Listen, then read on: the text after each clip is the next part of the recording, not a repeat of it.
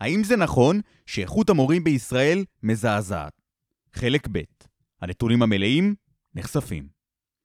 ברוכים הבאים לחשיפה כלכלית, חמש דקות על כלכלה מזווית שלא הכרתם. אני טוביה יגלניק, ואנחנו ממשיכים פה את סדרת הפרקים המיוחדת שלנו על איכות ההוראה בישראל.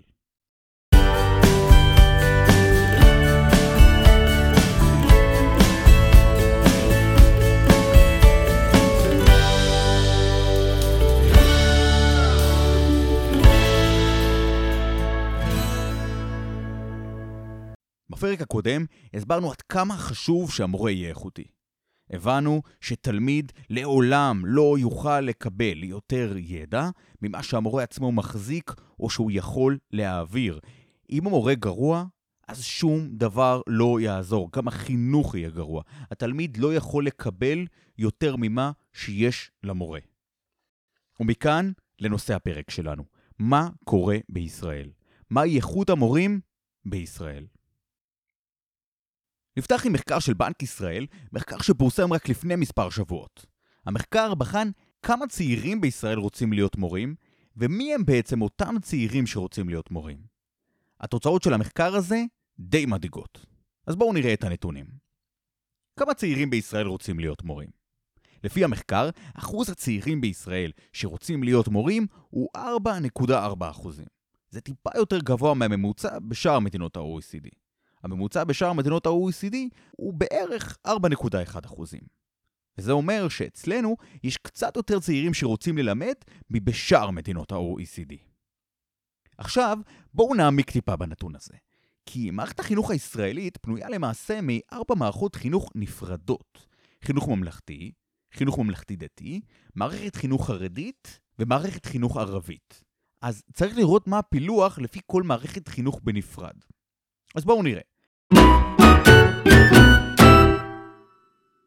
בנק ישראל גילה ש-42% מאלו שרוצים להיות מורים הם ערבים.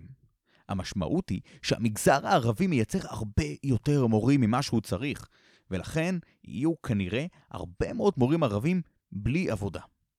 עכשיו בואו נראה מה הנתון על המגזר היהודי. כמה מאלו שרוצים להיות מורים הם יהודים חילוניים. כלומר, כמה מבוגרי מערכת החינוך הממלכתית רוצים להיות מורים.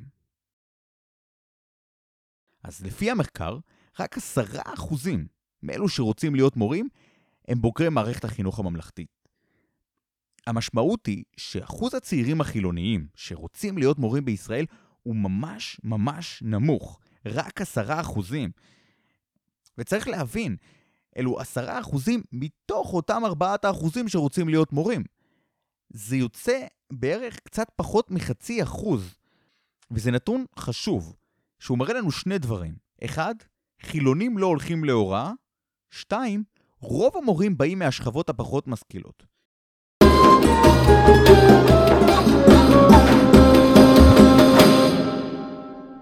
עכשיו, בואו נבדוק מי הם בדיוק אותם הצעירים שרוצים להיות מורים. כלומר, לא רק לפי חלוקה למגזרים. האם מדובר באלו שהכי אוהבים ללמוד דברים חדשים? אולי דווקא מדובר בצעירים הכי כישרוניים בכיתה? קיצור, מי הם אלו שרוצים להיות מורים בישראל של 2020? ובכן, התשובה ממש ממש עצובה. בישראל, מי שרוצים להיות מורים הם התלמידים עם הציונים הנמוכים ביותר בבחינת הפיזה. ואני אדבר על שני הדברים העיקריים שבחינת הפיזה בודקת, שזה הציונים במתמטיקה ובקריאה. וזה בדיוק הפוך ממערכות החינוך המובילות בעולם, ששם דווקא התלמידים עם הציונים הכי גבוהים הם אלו שרוצים להיות מורים. אז אם במדינות מפותחות הטובים הם שהולכים להוראה, אצלנו זה בדיוק הפוך, החלשים הולכים להוראה. הנה עוד נתון מעניין שבנק ישראל גילה, שקשור לעניין הזה. ככל שהשכלת ההורים נמוכה יותר, ככה הסיכוי שהילדים ירצו לפנות אל תחומי ההוראה גבוה יותר. דווקא האנשים שבאים מבתים לא משכילים, מבתים לא משכילים, דווקא הם אלו שרוצים והופכים להיות מורים. ואני ממש לא חושב שזה נובע מאיזה תשוקה פנימית עמוקה ללמד, אלא זה קורה בגלל שהמצב הוא שהחלשים הם אלו שהולכים להיות מורים. ואתם יודעים למה דווקא החלשים הולכים להוראה? כי הדרישות מאלו שהולכים ללמוד הוראה הן הנמוכות ביותר. והנה עוד נתון שמחזק את הטענה שאלו לא המוכשרים שנמצאים בהוראה ובחינוך, אלא החבר'ה הכי חלשים. וחשוב לי מאוד להדגיש, כשאני אומר שאלו לא המוכשרים, לא הכוונה שמערכת החינוך אין בה מורים מוכשרים. יש הרבה מאוד מורים טובים ומצטיינים במערכת החינוך. אני מדבר פה על הנתונים הכלליים, על הממוצע. אז ככה, ציוני הפסיכומטרי הנמוכים ביותר שייכים ל... תנחשו, לאלו שלומדים הוראה. ציוני הפסיכומטרי הנמוכים ביותר שייכים לאלו שלומדים הוראה. אז מה ראינו? שגם בציונים במבחני הפיזה, גם בממצאים על השכלת ההורים וגם בציוני הפסיכומטרי, למורים יש נתונים גרועים מאוד. מערכת החינוך הישראלית נמצאת במצב רע, שבו דווקא התלמידים הפחות מצטיינים הם אלו שמלמדים ומחנכים את הדור הבא. תסלחו לי שאני חוזר שוב על המסר של הפרק הקודם, וגם הציטוט שאמרתי בתחילת הפרק. תלמיד לעולם לא יוכל לקבל יותר ידע ממה שהמורה עצמו מחזיק או יכול להעביר, ולכן המצב הזה הוא מאוד מאוד בעייתי.